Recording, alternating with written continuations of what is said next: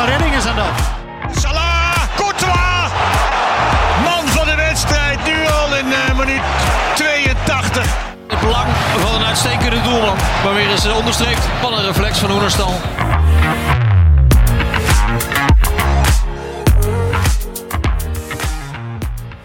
Showkeepers, daar zijn we weer. Als je dit hoort, dan weet je dat we weer, uh, weer live zijn met een nieuwe podcast. Arjen. Goeie. Morgen, Morgen nog voor ons. Ja, nog wederom voor ons. Ja. Wij nemen toch toevallig wel vaak in de ochtend op. Um, en naast ons zit uh, wederom een gast. Uh, namelijk iemand met een uh, best wel opmerkelijke carrière tot nu toe. RKC-keeper Etienne Vase. Goedemorgen. Goedemorgen, welkom. Etienne, allereerst, ben jij een beetje showkeeper?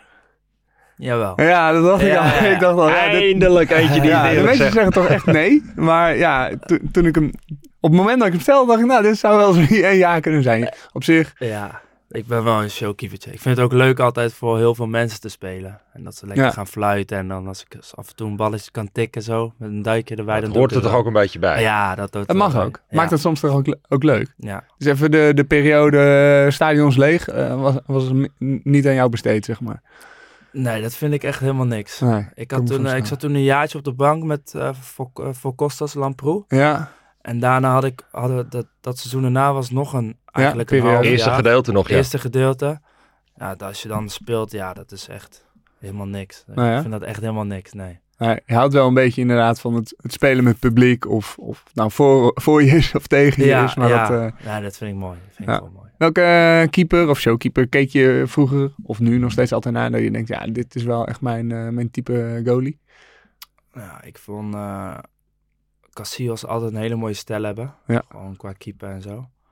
En, maar vroeger keek ik niet echt veel naar keeper, want ik keep nog niet zo Ja, lang. je bent laat begonnen, ik ja. ben laat begonnen, dus het was meer voetballers. En, maar ja, ik vond Onana vond ik ook altijd een hele mooie, ja, dat nonchalante, dat sprak Ja. mij wel aan. En dan ook hoe die een bal bijvoorbeeld neerlegde met een paas.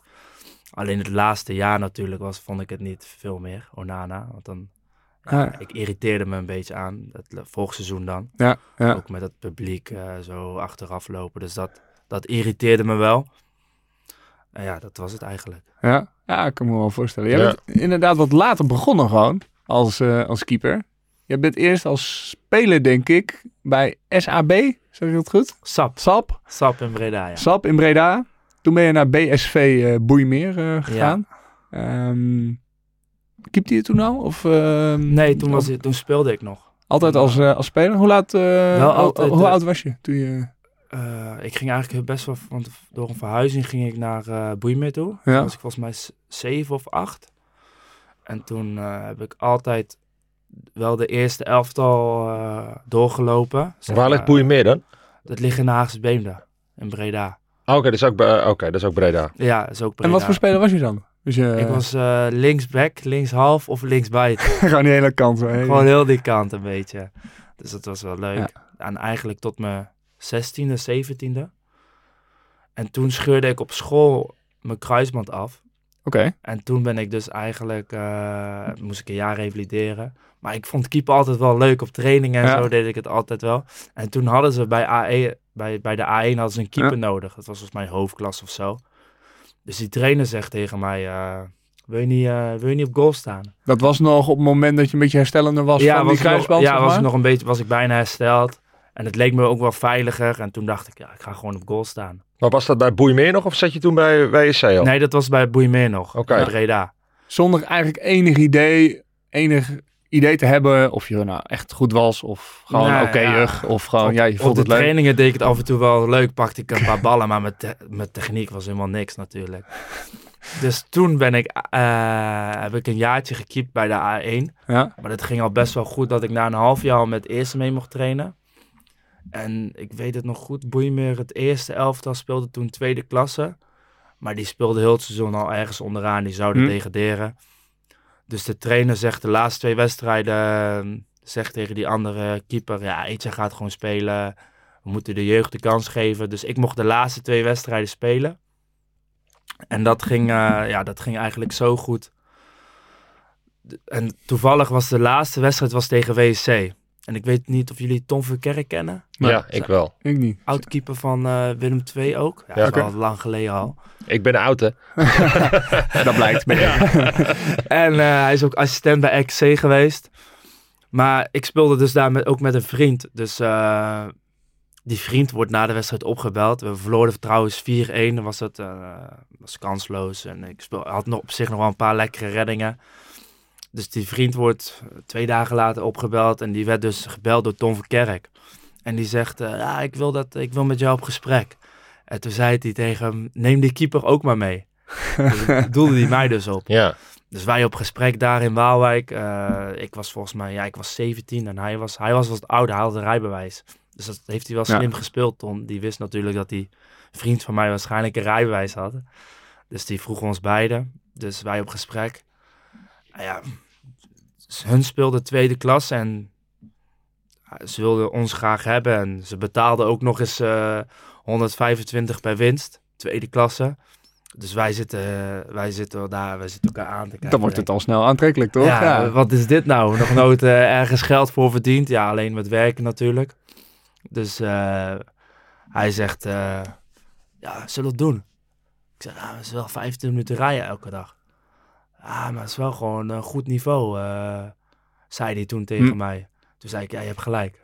Ga het gewoon doen. Maar toen zei ik nog tegen hem, ik keep pas net eigenlijk. Ja. En toen zei hij, ja, dat is toch leuk, dan kan je weer doorleren. Dus eigenlijk is het... En toen zijn we daar naartoe gegaan. Heb ik eigenlijk het eerste jaar ja, gewoon in het tweede gespeeld en op de bank gezeten. Want ze hadden al een ervaren keeper. En op een gegeven moment werd de druk ook steeds groter vanuit die groep. Dat ik moest gaan keepen, omdat ik het gewoon goed deed. En toen ben ik gaan keepen, dat, dat tweede jaar. En toen hebben we eigenlijk, eh, zijn we kampioen geworden. En al in de winterstop kwam Tom van Kerk naar me toe.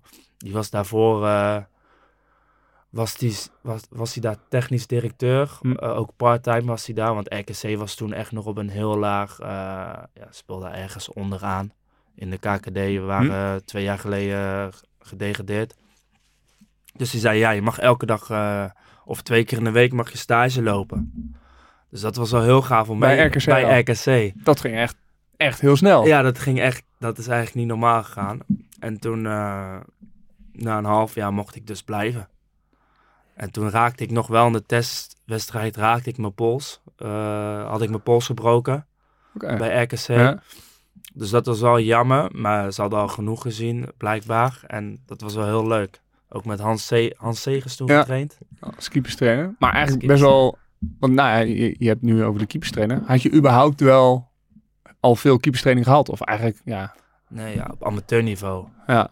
Ja, dat is... Maar even, we, praten daar heel makkelijk over. Maar dit is toch een bizar verhaal. Ja. Nee, maar weet je wat een, wat een inspirerend verhaal dit is voor jongetjes van 15, 16, 17 die nog een droom hebben om eh, betaald voetbal te halen. Jij hebt dat gewoon bewezen en nog geswitcht van positie Ja. ook. Je bent Ja. gewoon van speel. Ik vind het echt een bizar Nou, verhaal. misschien zit daar wel de winst. Volgens mij heeft eh Johan Derksen ook nooit, no- niet een keer zoiets geroepen. Van nou, als je een beetje kan voetballen en je wil profvoetbal halen, en trek keepershandschoenen aan en eh, je haalt het, zeg maar. Nou, hij doet het met een cynische ondertoon waarschijnlijk. Maar Er zit erg- kern van waarheid in zo te zien. er- er- nou ja, Ja. jij bent daar het bewijs van. Maar ergens is het niet eens heel, een hele gekke gedachte. Want ja, Nee, kijk, je moet, ik denk dat je als keeper, ja, je moet een beetje gek zijn. Want ja, je, gaat, je Ja. bent zelf ook keeper. kunnen we dat vinkje zetten dan? eh, Ja, weet je? maar ja, soms krijg je ballen eh, op je afgevuurd. Ja, niemand anders eh, Ja, gaat naar een hoek duiken of Ja. geen pretje. Maar ik vond, het, ik vond het gewoon heel leuk. Gewoon ook op trainingen. Ook gewoon af en toe eens een eh showduikje eruit. Ja, ik vond het gewoon heel gaaf. En af en toe heb ik ook wel van... Soms besef ik niet, want laatst speel ik dan eh, eh, tegen Ajax. Maar soms besef je niet dan al dat het wat je hebt bereikt al eigenlijk. Waar Ja. je van vroeger van droomde. Als klein kind was ik voetballen, wilde ik voetballer worden. Droomde ik van om tegen Ajax of tegen Feyenoord Ja. te spelen. Of eh, laatst ook in een vol PSV-stadion. Dus af en toe met mijn vriendin, die herinnert me daar af en toe wel eens aan om daar wel van te genieten. Ja joh, tuurlijk. Dat kan ook zo weer voorbij zijn natuurlijk. kan ik me Ja. heel goed, eh, heel goed voorstellen. Want hoe, hoe oud was je uiteindelijk dat je bij RKC tekent? Of nou, nou dus Eh, via die nou, stageperiode. Ja, eerst was het natuurlijk amateur eh, contract. Dus dan moet je je eigen ook gewoon nog echt bewijzen. Ja. Dus dan was ik volgens mij 18. Het was 2000, 13, 14.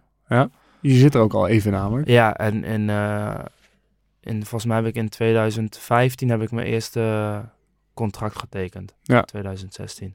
Ja. Dus het is best wel snel gegaan. Ja, uiteindelijk wel. Want je keept ook al een aantal jaar gewoon als eerste keeper Ja. eh, bij RKC. Dus als Ja. je hem zo even terugrekent inderdaad van waar je vandaan komt eh, qua niveau en überhaupt als keeper, ja, is het Ja. echt gigantisch snel eh, gegaan. Ja, ik merk En ook gewoon dat eh, wat keepersvak is gewoon een eh, ervaring. Ik mer- merk gewoon de laatste, nu, de laatste twee jaar, dat anderhalf jaar dat ik keep, dat je gewoon in situaties, ja, ik heb ze al een keer meegemaakt. Ik ben al Ja. een keer keihard op mijn bek gegaan, eh, wat blunders gemaakt. Maar je merkt wel dat je steeds meer, je weet precies wat je moet doen in sommige si- Ja, je situaties. gaat het herkennen. Ja. En dat had ik eigenlijk nooit verwacht. Ik dacht, ja, toen ik een paar jaar geleden dacht ik, eh, ja, hoe kan ik dan nou, kan ik die fout nou maken, weet je wel? Maar, of hoe kan ik nou zo ver mijn, mijn goal uitstormen? Maar het is gewoon, ja, het is gewoon een ervaringsvak, vind ik dan. Ja, en wat mooi is dat je natuurlijk ook wel in die... Kijk, we, we, we kijken er tegenaan met hoe het nu gaat. Want jullie doen het fantastisch. Alleen net wat je zegt. Je komt natuurlijk binnen vanuit een situatie onderkant KKD. Dus je bent daar ook heel mooi zelf met, met de club ook meegegroeid natuurlijk. Ja, klopt. Want eh, dit, dit was anders. Anders was het nooit zo gelopen als RKC Eredivisie zou spelen. Dan gaan ze nooit een... Ja. Want ik werd, ik werd derde keeper. Achter eh, Niels den Haag toch en Ralf Vos. Ja, Ralf Vos was nog eerste keeper trouwens. En Niels, Niels den Haag toch, nou, die, dat was de grootste talent van Nederland eh, bij de Nederlandse eh, elftal. Maar die heeft gewoon heel veel pech met blessures gehad. Ja. Dus, en daar werd ik derde keeper bij en ik kwam van de amateurs. Dus dat, zou dat zouden ze nou nooit doen. Nee. Zo'n zo'n risico nemen. Maar dat konden ze toen wel, omdat ze... Ja, ja misschien Ze konden ze ook niet eigenlijk veel geen- anders eigenlijk. nee, zeg ze hadden maar. geen middelen, Ja, denk Ja. ik dan. En ja, maar dan heb je ook echt wel totaal... eh, in de vorige podcast hadden we Jeffrey eh, de Lange, die vanaf zijn zevende ongeveer bij joh. Ajax in de jeugd zeggen, zat. dat is echt ene uiterste in het andere uiterste. Ja, en die al heel vroeg gescout werd. eh, eigenlijk waar Ajax hem al een jaar eerder zelfs al hebben. Dus dan was hij, eh, nou, kon hij net aan recht, eh, recht doorlopen, zeg maar. Ze pempen nog om. Ja, en, maar dan heb je echt een hele andere jeugd ook gewoon. Je, je, je bent gewoon altijd gewoon voor je plezier gaan voetballen. Eh, geen, geen jeugdopleiding, geen topsportschool, geen Nee. trainingskampen, geen weet ik veel wat allemaal. Dat is gewoon... nee, heb ik nog nooit, eh, nog nooit meegemaakt. nee, dat is dus, eigenlijk eh, best wel ja, een heel ander pad. Ja. Wat denk ik, maar ja, je mag het eh, zeggen, ook wel absoluut zijn voordelen heeft, denk ik. Je hebt gewoon... Ja, ik denk het wel, ja. Kijk, sommige jongens, dat zie ik dan ook in het team, die hebben dan heel BVO Ja. gehad. Maar dan komt het, want ik heb heel veel jongens gezien, want ik zit al zo lang bij RKC en wij begonnen eigenlijk, ja, ik ben eigenlijk zo, wat, wat jij zegt Arjan, ik ben eigenlijk zo meegegroeid met promotie, Ja. met eh, op het gemeentehuis staan, dat om de, om de club zeg maar nog te redden, moesten we met heel de spelersgroep naar de, dus ik ben eigenlijk zo meegegaan en sommige jongens hebben echt een prachtige BVO gehad. En die halen het uiteindelijk toch niet. Ja. En dan kom ik aan eh, uit Breda, een jongen die altijd voetballer was. En ik ben zelfs nog beveiliger geweest.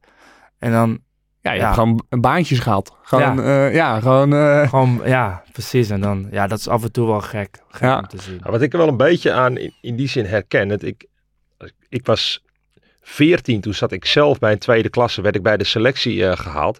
Dus dan zat ik als jongen van 14 na de wedstrijd met volwassen mannen die bier zaten te drinken en weet ik wat. En toen werd ik dus gehaald door Volendam. En toen moest ik ineens weer terug naar mijn leeftijdsgenoot. En ik moet er nu aan denken dat jij dat zegt. Jij hebt natuurlijk dat hele eh, eh, kantine- en amateurleven heb je ook volledig meegemaakt. Ja, Alleen je komt nu aan de hele andere kant. Het is wel mooi dat je dat eh, ook gewoon gezien hebt. ja, ja, dat is ook echt mooi. Het is wel een andere wereld dan.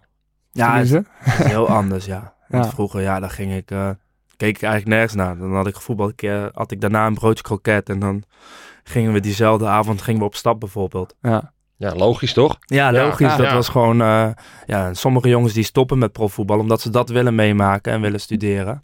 Ja. En ja, ja ik vind dit gewoon heel... Ik, vind het, ik, ik, ik baal er eigenlijk van dat ik misschien die BVO-opleiding niet heb gehad. Want dan had ik misschien qua techniek en zo nog wat verder gestaan. Hm. Ik heb het daar af en toe nog wel eens met Hans Segers over. Want ik kwam toen de eerste training, training binnen.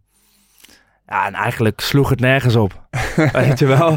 Ja. ik, ik liet al de ballen, misschien door de stress ook, maar ik liet al die ballen vallen met techniek. Maar dat heeft hij echt, ja, hij, hij zag gewoon in mij, dat heeft hij later mij nog wel eens verteld, gewoon, hij zag iets in mij. Dat was gewoon de echte, ja, de wilskracht, denk ik. Gewoon dat ik iets wilde en doorzettingsvermogen.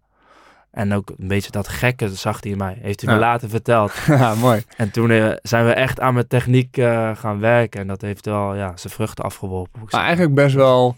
Kijk, we zien even in, eh, in het hele land zien we al die keeperscholen die op jonge leeftijd heel veel techniek en eh, ook bij clubs heel veel maar ja, techniek kun je dus eigenlijk best wel op latere leeftijd best Ja. wel behoorlijk bijschaven en aan werken. Ja, En gewoon op eredivisie, eredivisieniveau gewoon je wedstrijden hartstikke goed spelen. ja, ja, klopt. Dus het, het, er zijn nou, wel een mooi voorbeeld dat er echt totaal verschillende routes zijn. Ja, ook Nou, voor kinderen is het mooi. Gewoon echt Ja. een mooie Ja, ik vind het nu al een eh, prachtig verhaal. Ja. Ja. als, als spelertje, als voetballetje, was je talentvol? Was je eh, Nou, ik was best wel... op de talentendagen van... eh nee, de talentendagen van van, NAC of zo, eh, eh.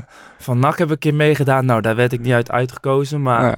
de, ken je dat eh, jong district KNVB nog? Ja, de, de JPN, Jeugdplan Nederland. Ja, was ik onder 14, onder 16. Was ik linksback. Oh ja. Dus dat is al best wel. En dan word je af en toe nog wel gescout. Dus ik kon wel aardig een balletje neerleggen af en toe. Ja. Maar het was niet zo dat ik eh, de Eredivisie had gehaald met mijn voetbalkunsten. Nee, Nee, nee, dat niet. Nou, een beetje de route in Joe Drommel, die ook bij Almere eerst speler was, zeg ik het goed? Ja. Later bij Hij was ook eerst IJsselmeer- speler. Ja, Ja, en- ja, en bij IJsselmeervogels later, toen hij afviel bij eh, Almere City, is hij gaan keepen. En Ja. toen ging het inderdaad ook heel snel, zoals het eigenlijk bij jou ook. Dat is ook een Ja, alleen wel, wel op, een, op een ander niveau natuurlijk. Hij Ja, zat ja, natuurlijk ja. wel al in een BVO jeugdopleiding. Dus zijn, Ja. zijn jeugdtraject is wel anders geweest dan die van jou Ja. Maar hij speelde dus eerst bij Almere. Ja. Van als, als speler, als voetballer. En toen hebben ze dus gezegd, ga jij op golf of zo? Ja, volgens mij is hij toen afgevallen. Of, ik, heb niet helemaal scherp. Ik hoop dat hij binnenkort hier het hele verhaal komt eh, vertellen. Eh, maar volgens mij was hij gewoon voetballen. Hij is afgevallen dan bij Almere. Hij ging naar IJsselmeervogels. Daar is hij uiteindelijk ook om een reden op, goal, eh, op doel eh, komen te staan. Ja. Ja, ja, en toen is het vrij snel gegaan en heeft, denk ik, Twente hem eh, vrijwel direct dat is ook opgepikt. mooi hoor. Dus dat is, eh, ja, Ook een vet dat zijn ook wel... Paas ook, hè? Ja, Maatpa, ja, dat Ook weet ik. Zeker tot 16 eh, gevoetbald. Ook Ja. laat begonnen, ja. Ja. Ja, ja, ja. Doen ze Maar- heel goed hè, in Amerika. Ja, ze zijn net uitgeschakeld voor, Ja. de, voor, de, voor de play-offs. Dus, eh, maar hij, hij heeft een fantastisch jaar eh, gedraaid. Dat is wel Ja. mooi om te zien, want toen in de Eredivisie, toen ging het dan wat, wat mensen zeiden, ging wat minder. Toen, Ja, hij heeft, hij heeft hij, dan een werd hij andere eerst keeper, keeper. toen Ja. Denk geblesseerd, toen corona, toen Pech weer... heeft gehad, hoor. Dus Hij heeft pech uiteindelijk, gehad, ja. nu zit hij volgens mij daar echt Dat is wel leuk. lekker op zijn plek. Ja. Dus, Ja. eh, ja mooie, mooie routes naar uiteindelijk profvoetbal toe. Ja. Eh, je noemde net al, ja, ook gewoon een baantjes gehad. eh onder andere beveiliger geweest bij eh Ja. Mediamarkt. Daar, nou, ik, ik doe altijd voor elke eh, podcast een beetje mijn research. Er kwam echt een opmerkelijk verhaal tegen. Ik wist het niet. Maar jij bent elkaar een keer als beveiliger van de Mediamarkt. eh moest je een keer een overvaller te Ja. pakken. eh, Ja, pakken klopt, ja. Ja. toen gebeurde er. ja, toen ben ik eigenlijk eh, neergestoken. Dus eh, toen was, hoe oud was Volgens mij was ik toen 17. Dus toen was ik net met dat traject bij RKC ook bezig. Bij het stage lopen, volgens mij. En toen, ja, helemaal niet zien aankomen. Ik, ik vond beveiliging, ja, ik had een opleiding voor gedaan. Ik vond het Hm. altijd wel leuk. Dus eh, ik had werk gezocht, was best jong. Dus eh, ja, ik, wil- ik was niet echt een, iemand die ging studeren of zo. Ik, eh, ik, wilde, was meer een doener, dus ik werk gezocht. En ik werd eigenlijk al meteen aangenomen bij de Mediamarkt in Breda. Dus ik werk daar twee weken en ik had nog geen één aanhouding. Dus ja, het was rustig die twee weken. Normaal is het elke dag prijs. Maar Oh, kijk. dus ja, ik zit, ik zit achter mijn monitor en ik werk met twee collega's, maar al collega's die al langer in het vak zitten. Dus ik, ik zag iemand binnenkomen en ik zeg tegen die jongen, nou, ik denk dat dit wel eens iemand kan zijn. En je hebt echt heel veel camera's, dus je kan echt heel goed inzoomen. Dus die jongen zegt tegen mij, nou, nee, volgens mij niet. Eh, die komt hier wel vaker. Dus oké, ja, ik luister naar hem, dus ik laat hem los. Maar tien minuten, tien minuten later zie ik hem op een ander beeld binnenkomen. En heeft hij een geel tasje opeens bij zich. Dus ik zeg tegen die jongen, ja, en nou dan? Ja, die gaat rennen, zegt hij. maar ja, ik ben wel zo iemand van, ik vind dat leuk, een beetje adrenaline. Ja. Dus eh, Maar hij had wat erin gedaan om te stelen. ja, hij gewoon. had blijkbaar een iPad in zijn tas, in, een plastic tas gedaan. Die, die Ja. bij binnenkomst had hij die niet bij. Ja. Dus heeft hij misschien uit zijn jaszak eh, heeft hij die meegenomen. Dus eh, hij loopt naar de kassa's toe. En ja, hij begint te rennen. Maar onze hok zit dus bij de kassa's. Ja. Dus we moeten eerst nog opstaan, want we moeten eerst kijken of die... Dus we waren al wat later en ik werkte echt met twee beveiligers die waren iets forser. Dus ik was eigenlijk het fitste. Dus uh, ja, wij erachteraan. En ik, ik, ik, haal hem dus in. En hij, wil, had zijn fiets echt 300 meter verder bij het bushokje ge, geparkeerd. Bij de woonboulevard in Breda. Dus, uh, dus ik, ga ik haal hem in. En hij wil net op zijn fiets stappen. Die had hij daar neergezet om te vluchten. En ja, ik trek hem dus van zijn fiets af. En we raken in een worsteling. Maar ja, ik zat in de adrenaline. En ik had dus helemaal niet door dat hij blijkbaar een mes bij zich had of zo. Heb ook helemaal niet gevoeld of zo. Dus mijn collega komt eraan. En opeens zie ik, dus, dus hij is nou eigenlijk waar jij zit, twee meter ja. van me vandaan. En opeens zie ik hem met het mes zwaaien, zwaaien naar die collega ook. Dus ik denk, oeh, dit is wel gevaarlijk. En, en opeens voel ik, voel ik wat nat bij, me, bij mijn longen. Dus ik voel zo, dus eigenlijk heel mijn bloed zit vol met bloed. Zo. Dus ja, dus toen, uh, dus hij is uiteindelijk gevlucht nog. En ik werd niet goed, want ja, ik was best wel, was iets van 4, 5 centimeter was gestoken. Zo. Was echt zo, ja, was gewoon een broodmes. Holy. Dus ik word, ja, dus ik word licht en uh, ik word in een bushokje gezet. En, maar gelukkig waren de polities heel snel te plaatsen, ja. ambulance ook.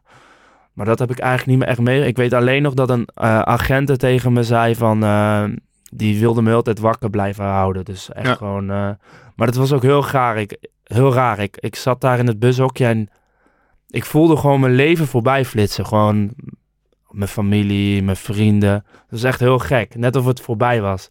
En toen werd ik eigenlijk wakker in het ziekenhuis. Met een drain in mijn, in mijn longen. Dus hij had me dus in mijn longen geraakt. En uh, ja, daar heb ik het toen wel best wel moeilijk mee gehad. Dat kan me voorstellen. Wat een verhaal, man. Ja, dus... Uh, ja, dus toen heb ik het daar best wel moeilijk mee gehad. Ook gewoon mentaal vooral. Gewoon hm. dat ik af en toe wakker schrok van een mes bijvoorbeeld die dan ja, voorbij flitste. ja. gebeuren, zeg maar. In het open, openbaar zijn dat ik af en toe wel moeite had. Uh, ik ging al, altijd gewoon uh, lekker op stap en af en toe, ik keek heel veel om me heen. Omdat die jongen was nog niet gepakt. Ja. Ah, ja. Heel Breda was afgezet, maar ze hadden hem niet gevonden. En uiteindelijk uh, na twee weken revalideren dan. En ik moest iets van drie dagen, vier dagen in het ziekenhuis blijven. Met een drain dan. Ja. En, dan word je long weer opgepompt. En uh, na twee weken ging het thuis al wat beter en zo kon ik weer wat meer bewegen. Maar dus hij was nog steeds niet gepakt. Dus ik had nog steeds wel van echt dat echt zijn ja. gezicht in mijn... Ja, snap ik. Dus uh, uiteindelijk heb ik mijn verhaal gedaan op Opsom verzocht. Dat was volgens mij Oh, twee, een tv-programma. Ja. Ze inderdaad, uh, ja, de... twee, drie maanden later. Uh, wel onherkenbaar. En dan zag je ook echt Oh, ja. het beeld dat hij wegrende. En dat ik er achteraan ging. En eigenlijk diezelfde nacht is hij opgepakt. Hij, hij zat, uh, uiteindelijk zat hij in een, uh, in een internaat al. Alleen hij had een dag verlof. Dus hij denkt, ik ga een iPadje stelen. Ja, een beetje geld. Uh, ja, de, ja dat dacht hij blijkbaar. En hij is toen ontkomen. Maar een uh, medewerker die daar werkte, die herkende hem. Ja, ik had hem echt goed op beeld, omdat ik hem al vanaf het begin ja, ja, ja, ergens. Dus dat is wel geluk. Zo, wat een verhaal, joh. Ja, dat is wel... Uh, heb, ja, je, heb je er daarna ook nog... Nee, inderdaad, je zei van uh, mentaal en fysiek, zeg maar. Heb je daar nog last van gehad? Qua, ik veel... Nee, ja, conditioneel, Conditie of- conditioneel wel het begin, natuurlijk. Ja, Dat het mijn longen was. Maar uiteindelijk... Nee, nu helemaal geen... eh, helemaal, helemaal geen last van... eh, Nee. nee. Dus Ah, eigenlijk, dat, is, dat vind ik nou mooi om te horen, is door je eigen werk is hij dus gepakt. Omdat je hem dus zelf al had ingezoomd voordat het uh, ja, gebeurd ja, was. ja, en ze hebben daar natuurlijk wel veel camera's. Ja. Maar ik had gewoon al het gevoel dat hij werd... eh, Ja, dat hij wat ging stelen. Nou, het, had, het, het had zomaar, nou, nogmaals, je, de bijzon, bijzondere pad tot aan RKC had ook weer helemaal anders kunnen zijn, eigenlijk door, door Ja, zoiets. en toen ben ik eigenlijk ook wel anders in het leven gaan staan. Gewoon van, ja, geniet van elke dag. Het kan, eh, ja, het kan zo over zijn, weet Ja. je wel. En zo sta ik nou ook nog steeds in het leven. Omdat je, ja, je niet, je weet niet wat er eh, vandaag nog allemaal gebeurt eigenlijk. Het kan zomaar, en het hoeft niet jouw schuld te zijn. Nee, Klopt. kan zomaar Ja. iets gebeuren. Ja, Ja. dus dat, ja, dus dat, dat heeft me wel, eh, Dat neem je in die zin mee dan elke dag. Ook Ja, richting de club of inderdaad wel mee, spelen in volle stadions. ja, zeker. Ja. En toen is eigenlijk, me- eigenlijk door dat eh, steekincident dat, dat denk ik dan misschien. Had het zo moeten zijn, want zo is het wel gegaan hoe het nou gaat. Ja. Dus dat is wel grappig. Ja, dat is hoe, wel... hoe het is gelopen. Ja, een soort, uiteindelijk is het misschien wel geresulteerd in een extra soort motivatie of zo. Of extra Ja, drive. ja, want ik kon stage lopen bij RKC, want ik hoefde niet meer te... Ja, ik zat natuurlijk in de ziektewet, vooral mentaal. ja, Dus ik kon stage lopen. eh, twee keer in de week kon ik eh, trainen. ja, die tijd maar. had je. Die tijd had ik. En daartussen deed ik nog wel voor mijn mentale... Ken je dat? EMDR-techniek? Ja, soort, ja, Dan gaat het zo op en neer met je vingers. En dan moet je dat een, beetje zuiverig. Maar het, hiel, het heeft wel geholpen na twee maanden. Dus toen, heb ik ook, toen was ook echt alles weg. fijn. Dus dat was wel fijn. Ja. Ah, bijzonder man. Waarom Ja, nam je, ja, dat was in de stageperiode bij eh, RKC.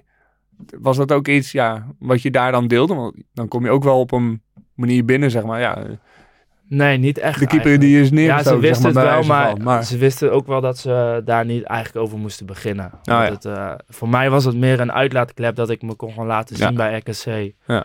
En dat heeft toen ook wel echt geholpen. Ja. Dus dat, ah, eh, bijzonder man. Echt, eh, en dat het eh, uiteindelijk gelukkig goed is afgelopen. nou, ook Dat- niet veel mensen weten het of zo, de media of zo. Dus het is wel, ja, het is wel een bijzonder verhaal. ja, En ik heb denk ik één keer mijn verhaal gedaan in de krant of zo. Ja. Dus dat is wel, eh, ja, het is gewoon bijzonder. Ja, absoluut. Ja, zeg dat. Absoluut. Ja. Je ehm, maak even het sprongetje richting eh, je huidige club, RKC. Of je huidige club, ja, eh, daar, daar zit je al een jaar of acht. Ja. Zo'n beetje. Ik, ik zat nog even op te zoeken inderdaad wie, met wie je allemaal ongeveer gekiept hebt. Qua concurrenten inderdaad. Ralf Vos noemde je al. Je noemde al Ten Hart toch. Niels de Naagter.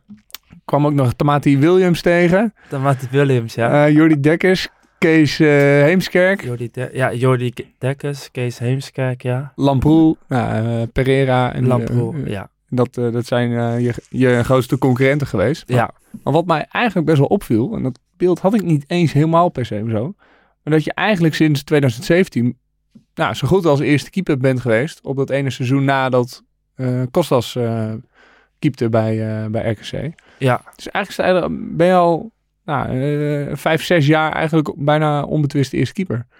En ik had nog ergens het idee van dat daar ja, me- me- meerdere keepers ook eh, meerdere wedstrijden hadden gespeeld. Maar dat is echt...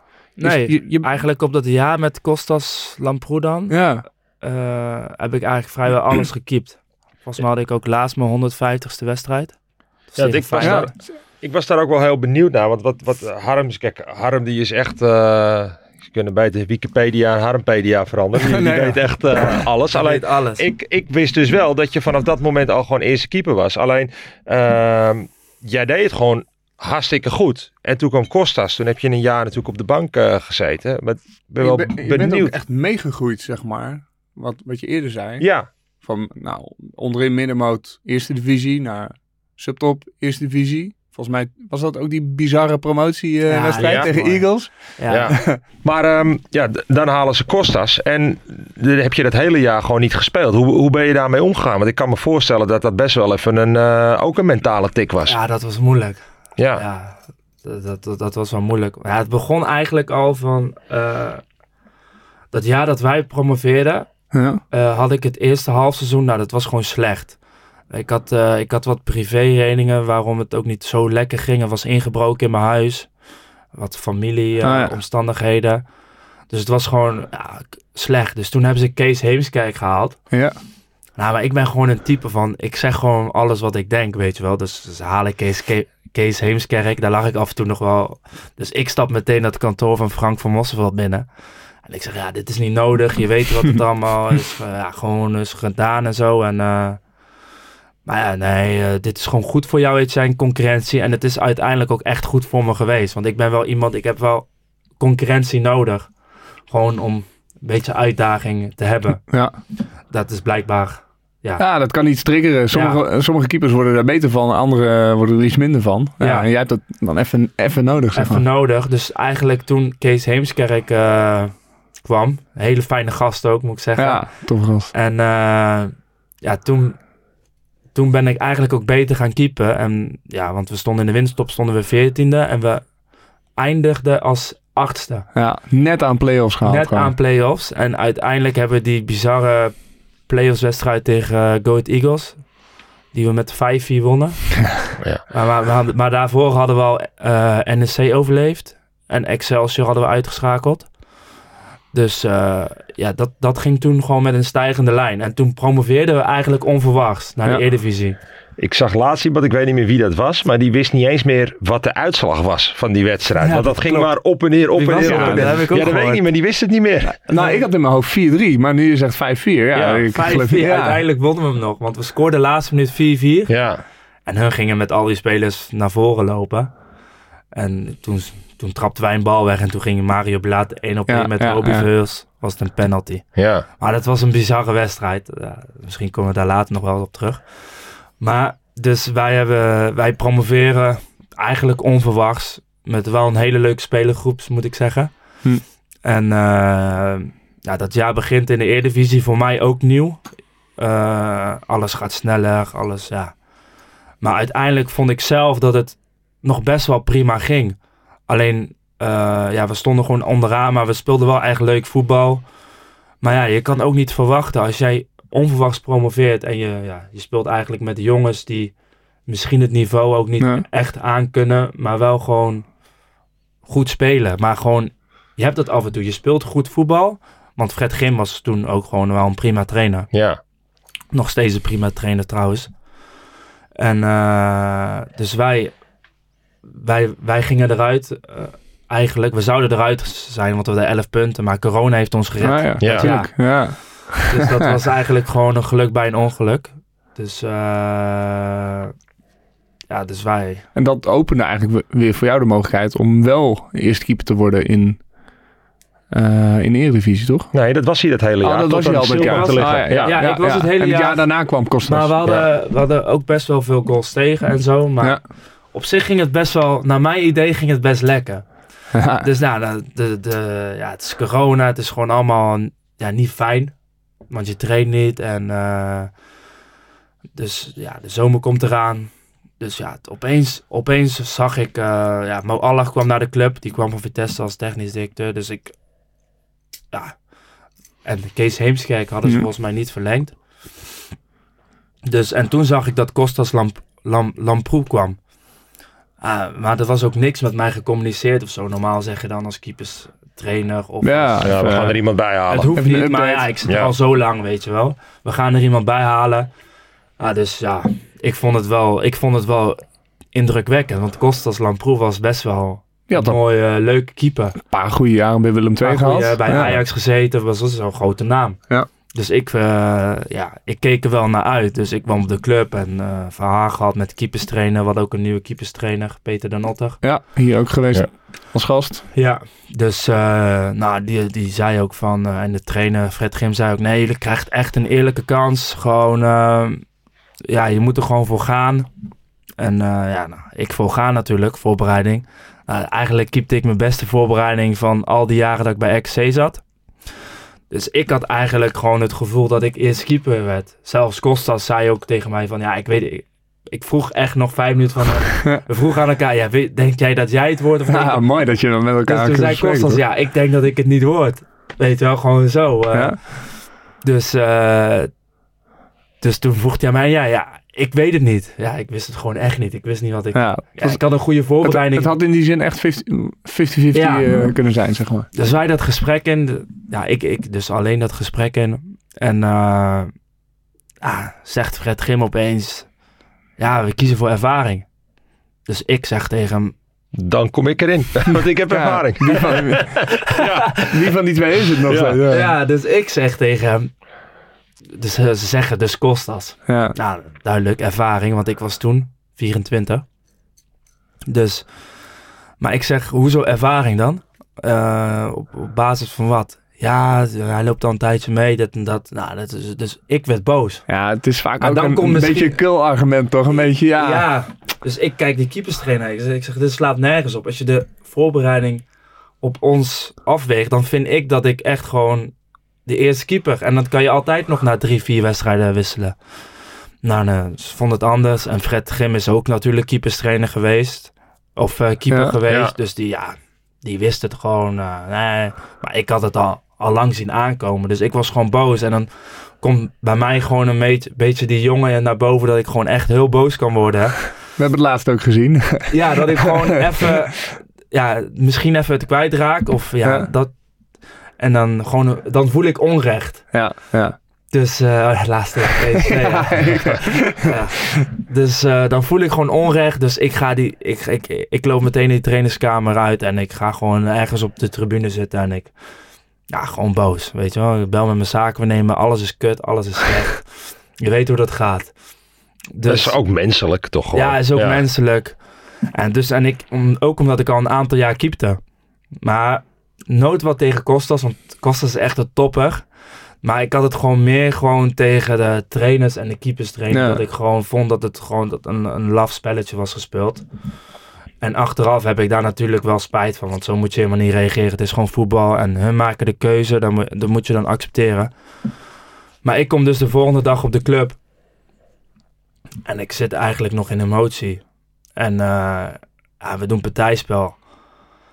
En eh, ik moet doorwisselen met Mike Grim, het zoontje van de trainer. Hm.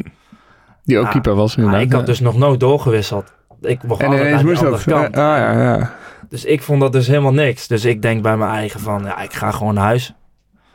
dus ik, ja, ik ging naar huis toe en ja, toen is het eigenlijk wel, toen kwam het ook in de media en zo, dat ja, disciplinaire, disciplinaire schorsing. En Ja. toen is het eigenlijk, toen heb ik ook wel veel aan Kostas gehad, want toen heb ik ook gewoon met Kostas gezeten.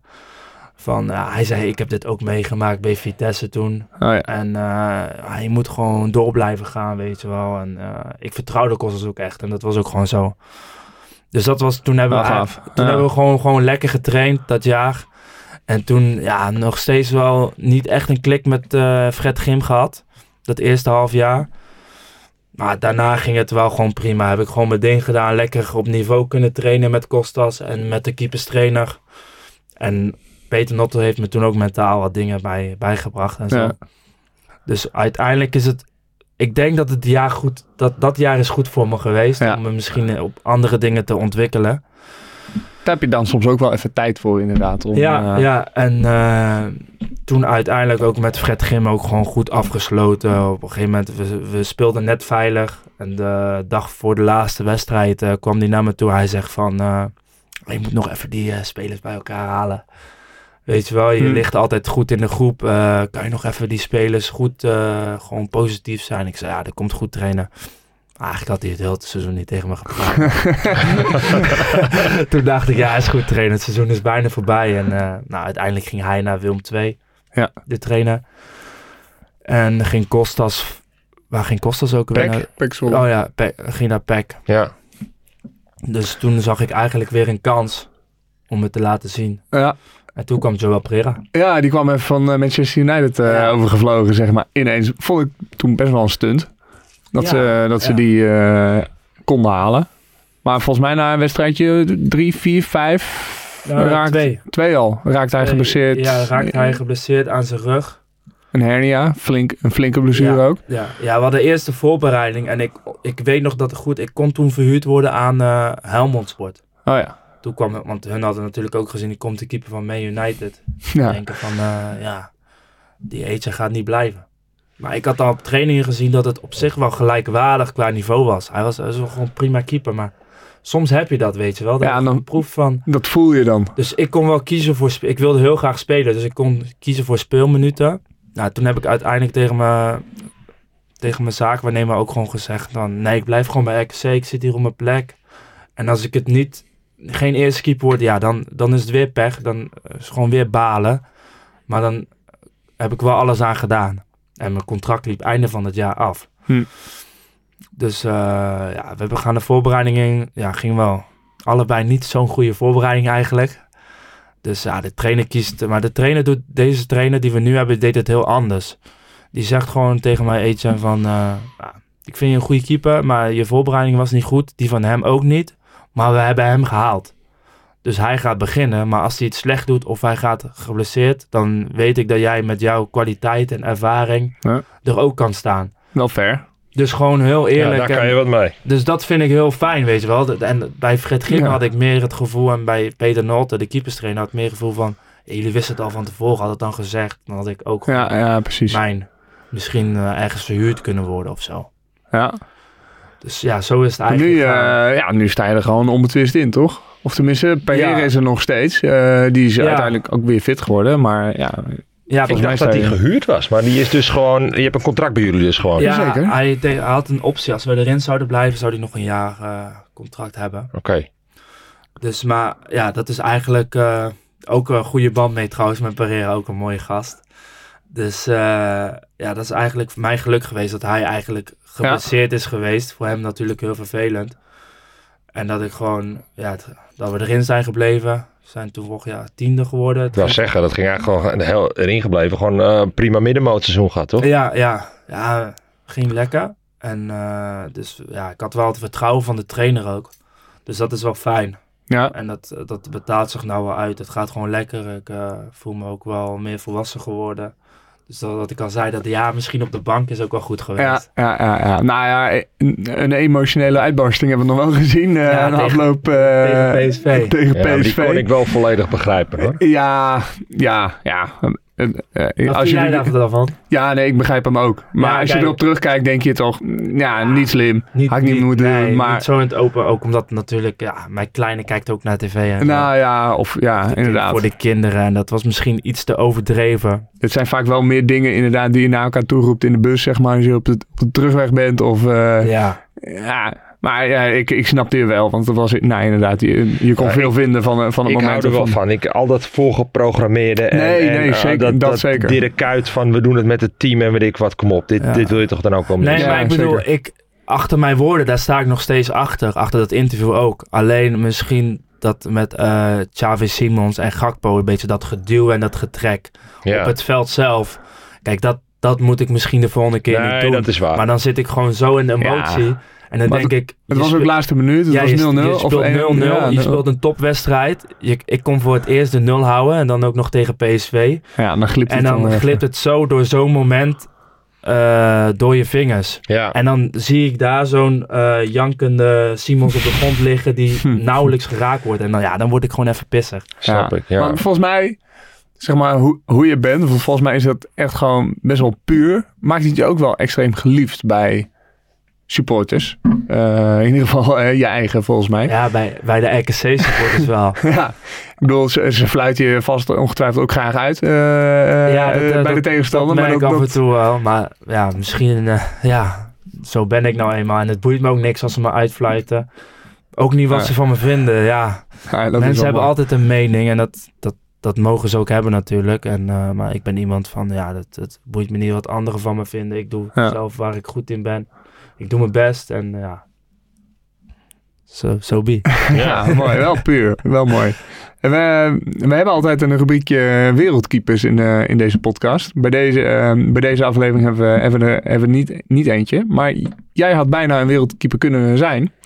Namelijk afgelopen zomer stond er eh, een transfer eigenlijk... eh, oh, wereldkeeper. ja, ja. in kannen en kruiken. Of tenminste, zo Ja. leek het. ja. Naar best wel een bijzonder land, Saudi-Arabië. Saudi-Arabië, ja. Eh, kun je daar eens over vertellen van... Ja, hoe, hoe, hoe kwamen ze überhaupt bij jou terecht? Eh, Eh, ja, het ging eigenlijk zo. een oud teamgenoot, die is nou zaakwaarnemer, Henrico Ja. Drost. ja, Maar ik zit zelf bij Patrick van Diemen, bij de VVCS. Ja. Dus ja, die zei, die belde mij opeens op in de zomer ergens. in, ik was op vakantie. Nee, ik was bij de bruiloft van Kostas. oh kijk. Trouwens. maar het waren een paar dagen eerder gedaan. Dus eh, die belt me op en zegt, ja, een eh, club heeft interesse in jou. Ah, ik zeg, eh, ik heb een zaak waarnemen, maar ik heb nog niks gehoord eigenlijk. Hij zegt, nee, het is, gaat via, via, via, zo gaat het meestal. Zo gaat het in die landen. Ja, zeker. zeg, oh, interessant, weet je wel. Dus hij zegt, Saudi-Arabië, FC Abba. Ja, nou, dus ik, googelen. ik googelen. Nou, Kwam je alleen aan die band terecht? Ligt vlakbij. ligt, ligt, ja. ik eh, lig vlakbij Jemen. Ik dacht, nou, oh, dat is wel spannend. Nou, ik zeg, eh, laat me weten of je nog iets meer hoort, weet Hm. je wel. Eh, dus eh, de dagen gaan voorbij. En we zijn eigenlijk weer terug in Nederland. En we beginnen bijna weer met trainen. En eh, ze worden echt concreet. Maar alles gaat eigenlijk via die agent. Hm. Dus eh, meestal zit er dan nog iemand tussen en dan zo gaat dat. Want er zat een Belgische technisch directeur Oké. daar. Dus die had zijn ogen misschien ook al iets meer op Nederland, ja, dus België. ze zocht, een, eh, ze zocht een Europese keeper. Oh, ja. Dus eh, zo ging dat dus. En toen, toen zeiden ze, ja, wie want the Dutch one? Zo, zo is dat gegaan. En toen is mijn zaakwaarnemer er ook natuurlijk tussen gekomen. En die, die deed dan alles samen met Enrico Drost. Dus zo ging dat eigenlijk een beetje. En eh, toen hadden ze zich eh, officieel gemeld bij RKC. Hm. Dus ze hadden ook nog wat aardig wat... ja, ze wilden gewoon ook echt voor me betalen. En uiteindelijk kwamen ze eruit. Maar dat was nog een, het is ook wel grappig om te vertellen. Ik had dus een meeting met die gasten uit Saudi-Arabië. Gewoon echt wel van de club, zeg maar. Van Ja, met de FC president. Ja? President en de vicepresident. Dus ik zit daar zo. Ik zie, alle, ja, ik, ik, zie- ik zie ze niet, maar ik hoor ze wel. En dan zit er een vertaler bij. Ja. Dus hun, maar ik denk, ah, ik kan daar gewoon ge- eh, goud geld verdienen. Ik denk, ja, eh, misschien twee jaartjes voetballen en ik kan... eh, Nou, ja. Je hoeft nooit meer te werken. Ik hoef niet meer te werken. Dus eh, dat was dus ook, ook echt zo. Dus ik zit daarachter en eh, ze vragen van wat voor speler ben je, wat voor keeper. En ik zeg in, mijn in gebrekkig Engels een beetje van, eh, ja, ik ben, eh, ik ben een vooruit eh, keepende keeper. eh, rechts, links kan ik goed meevoetballen. Nou, mijn linker, eh, daar kan ik wel een balletje mee trappen, maar dat is niet hetzelfde als mijn rechter. Dus ik zeg, ik zeg ja, rechts, links kan ik top meevoetballen. En eh, hoge ballen, allemaal goed. Dus ik, ik hoor ze weer allemaal Arabisch praten. Ik denk, wat is dit nou allemaal? Ja, je hebt geen idee dan, Nee, toch? dus die vertaler, die, die heeft eind- eindelijk gecommuniceerd. Nou, ja, ze willen hem echt. Ze willen hem echt. Eh, eh, dit, Gewoon een basiswan. dit, ge- ja, even- slaat helemaal nergens op. Ja, Weet je wel, basis van op een Ja. gesprek. Ze wouden je toch even in, eh, in de ogen kijken. Ja, eh, toen zeiden ze ook nog, eh, dat, dat vergeet ik ook nooit meer.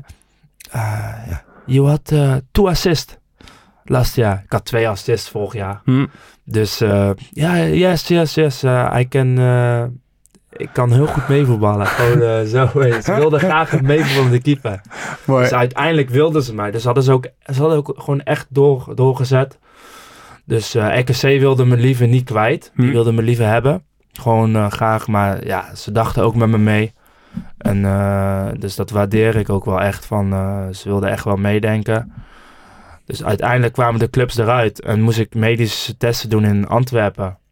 En eigenlijk had ik al afscheid genomen van de jongens. Want die gingen op trainingskamp naar Duitsland. Hm. Dus eh, ja, Voor je Alle- gevoel is het dan rond. Of Nou, tenminste, Voor dan mijn ga gevoel je. was het rond. Dus Ja. allemaal testen waren goed. En eh, ik kreeg dus mijn contract opgestuurd. En eh, ja, ik, ik en mijn vriendin vielen bijna achter, achterover. Dus we konden het bijna niet geloven. Het was wel een moeilijke stap. Want ik, ik heb dan nog een kleine en een vriendin. Ja. Dus die moest ik eerst twee maanden dan moest ik alleen gaan. Want ze zouden... Ja, moet ze met visum en dat soort dingen vaak in orde ook en ze maken. moesten vijf weken op trainingskamp naar Oostenrijk. Oh ja. Dus eh, dat soort dingen. Dus maar opeens een dag later, toen ik dat contract dus heb gehad, nou, gingen ze opeens eh, die technisch directeur, die zegt ja, die, eh, volgens mij loopt die president een, iets, met iets een spelletje te spelen of zo, of hij kan ergens weer meer geld. Zo gaat het dus in dat soort landen. Want eh, ze zeggen nu dat je linkerpols niet goed is. Ik zeg, mijn linkerpols? Ik zeg toch, alles was zo goed, ik heb mijn contract al gehad. Nee, ze zien iets in je linkerpols. Ah ja. dan- Ik zeg, nou, mijn rechterpols kan wel, want ik heb een plaat in mijn rechterpols, Ja. weet je wel. Ja. als, als ze die nou hadden gezegd, dan... ja, eh, dus toen ging ze het een beetje daarop spelen. En uiteindelijk zei ik ook van, eh, toen duurde het twee, één of twee dagen. En toen zei ik ook van, nou ja, zo hoeft het niet. Weet je wel, van, eh, dus toen zouden de contractueel gewoon niet uitgekomen. Want toen wilden ze nog allemaal scans laten maken van mijn lichaam. Ik, die zaakwaarnemers ook al tegen mij, die, zijn nou, die hebben al lang weer een andere keeper ja. met een eh, agent gevonden waar ze misschien iets meer kunnen op verdienen of iets, ja Minder bizar, kost. toch? iets minder kost. Dus uiteindelijk heb ik ervoor gekozen van nee, dan hoeft het niet. Dan blijf ik gewoon lekker bij RKC en dan eh, ga ik naar... Toen moest ik de volgende dag eh, naar Duitsland toe op trainingskamp. Zo. Dus dat was wel even wel een tik, want het duurde al, het was al drie weken bezig. En ik had natuurlijk al afscheid genomen van de jongens. Ja. En je had de bedragen gezien waarvoor je nou, zou dat, tekenen. dat met Toch? name. Ik, ik, kan me, ik, kan, ik vind het, als ik dit verhaal zo hoor, vind ik het echt petje af dat je die knop zo snel hebt om eh, kunnen zetten. Want het is natuurlijk wel gewoon, eh, of inderdaad daar twee jaar naartoe en nooit meer de druk van eh te hoeven Ja. werken. En nu moet je natuurlijk gewoon weer eh, volop aan de gang. Ja. ja, dat was wel, de eerste paar dagen was wel echt moeilijk. ik snap ben ik. dan wel een jongen die me wel sterk houdt, weet je wel. Dan ben ik op trainingskamp en dan, eh, ja, dan, dan, dan kan je het niet echt aan me afzien. Dan denk je, dan denk je gewoon weer dat... Maar ik had het er wel moeilijk mee hoor. Want Ja, je hebt al die bedragen gezien en nou, dat gaat echt gewoon over miljoen, miljoenen. Ja, Het tuurlijk. gaat gewoon helemaal nergens over. En ik dacht van, eh, kijk, voor mijn carrière is het niet goed om daar naartoe te gaan. Maar het was vooral, ja, financieel. Gewoon, ja, ik kan... Bizar, toch? Ik ben Ja. beveiliger geweest. Ja. ja. en ik kan nou gewoon eh Beveiligers inhuren. beveiligers inhuren voor mijn huis zelf. Ja. ja, Dus dat was wel, eh, ja, dat was wel even een klap. Snap ik. Nou, ik, eh, de trainer was blij dat ik terug was. En alle jongens vingen me ook vingen me goed op. oh, dat is eh, top. Dus dat was wel, en die, die leefde ook wel echt met me mee dat het niet doorging. Dus eh, dat was wel echt fijn. En toen heb ik de knop ook wel eh, omgezet. En het is natuurlijk wel fijn dat je dan weer als eerste keeper begint aan het seizoen. Anders, eh, want ik had eigenlijk heel mijn Ja, voorbereiding die is anders, weggegooid. ja, die is anders Want dan anders geweest. Ik trainde wel, maar ik speelde geen wedstrijden. Dus ik had, uiteindelijk heb ik nog maar twee wedstrijden gespeeld in de voorbereiding. Hm. Dus dat was anders geweest als ik helemaal geen eerste keeper was geworden. Ah, Ja, dan was ik gek geworden. Ja, dat snap ik. Ja, dan gaat het en niet door en zit je op de bank. Ja, precies. Dan, dan is het echt finesse voor je carrière. Ja, Dus eh, ja, Uiteindelijk hebben die gasten gewoon, want ik zat het no- nog even op te zoeken, hebben die gasten de keeper van eh Creta gehaald. waar, waar Sonny Stevens heen is. En waar Tony Stevens nu weer eh, Ja, zijn nou, ik plekje zal heeft tegen Sonny overgemaakt. zeggen dat hij even moet bedanken. Ja, dus ja. Zo, Dus eh, Sonny mag mij wel bedanken. Ja. nou, eh, Toch? dat, eh, inderdaad. Dat, Maar eh, ik weet dat, eh, maar misschien heb jij dat er wel over gehad. Kramer heeft dit ook gehad, hè? Kramer, ja, nou, die heeft het al. Kijk, ik ben een jongen van, ik ben heel open. Dus toen dat allemaal gebeurde, zei hij van, ah, ik ben binnenkort weg, jongens. dus de Kramer zei al tegen mij, hij zegt, Pik, ik heb een keer in het vliegtuig gezeten. Dan kon ik 3, 4, 5 miljoen verdienen.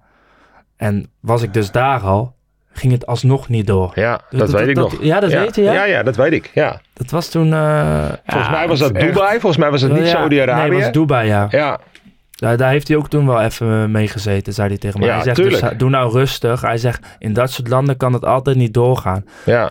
Maar bij mij was het ook heel vervelend. Het was in de media gekomen in Nederland. ja. Dus Ja. dat vond ik, want op een gegeven moment stond er al van, Aitzen is al weg.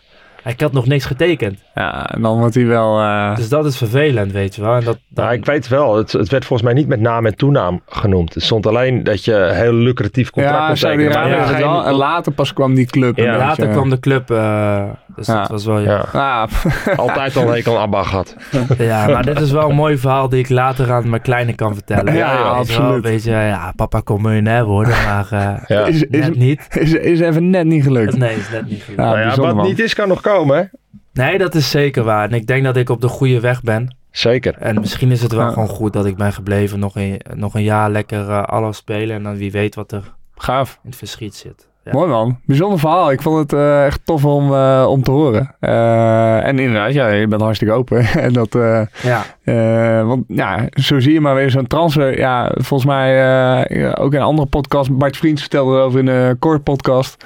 Ja, die had een beetje hetzelfde. Al drie keer denken gewoon, ja, het is rond. Weet je, ik ga, ik, ik ga een droom achter, achterna. Of het nou financieel of sportief is. ah, volgens mij had ik dat gezien, ja, die ja, podcast. en dan ja. en weer, ja, eh, weer niet, zeg maar. Ja, dus dat is ook soms gewoon de, de wereld waar, waar, waar we als, als keepers of, of spelers, zeg maar, in leven. Dat je, ja, het is echt soms eh, dunne lijntjes waar je op je, waarop je balanceert, Ja. zeg maar. Ja. Gaaf man. Dankjewel eh voor, je, voor je verhaal. Dat was echt ehm, tof om eh, te horen. En heel veel succes dit jaar bij RKC. Jullie gaan tot nu toe hartstikke goed. Dus hou het, eh het ja, vol. we gaan, we gaan lekker, ja. Wie weet waar, dat, waar dat gaat eindigen. Voor de luisteraars, uiteraard bedankt voor het luisteren. En mocht je dit inderdaad ook een hele toffe podcast vinden met Etienne, eh, de- deel hem. Deel hem met je vrienden of op socials. En laat een berichtje bij ons achter wat je ervan vindt. Dan horen we dat uiteraard ook graag. Zeker. Arjan, ik eh, zeg eh, tot over twee weken. Ja, en eh, bedankt Etienne. Geen dank, graag gedaan.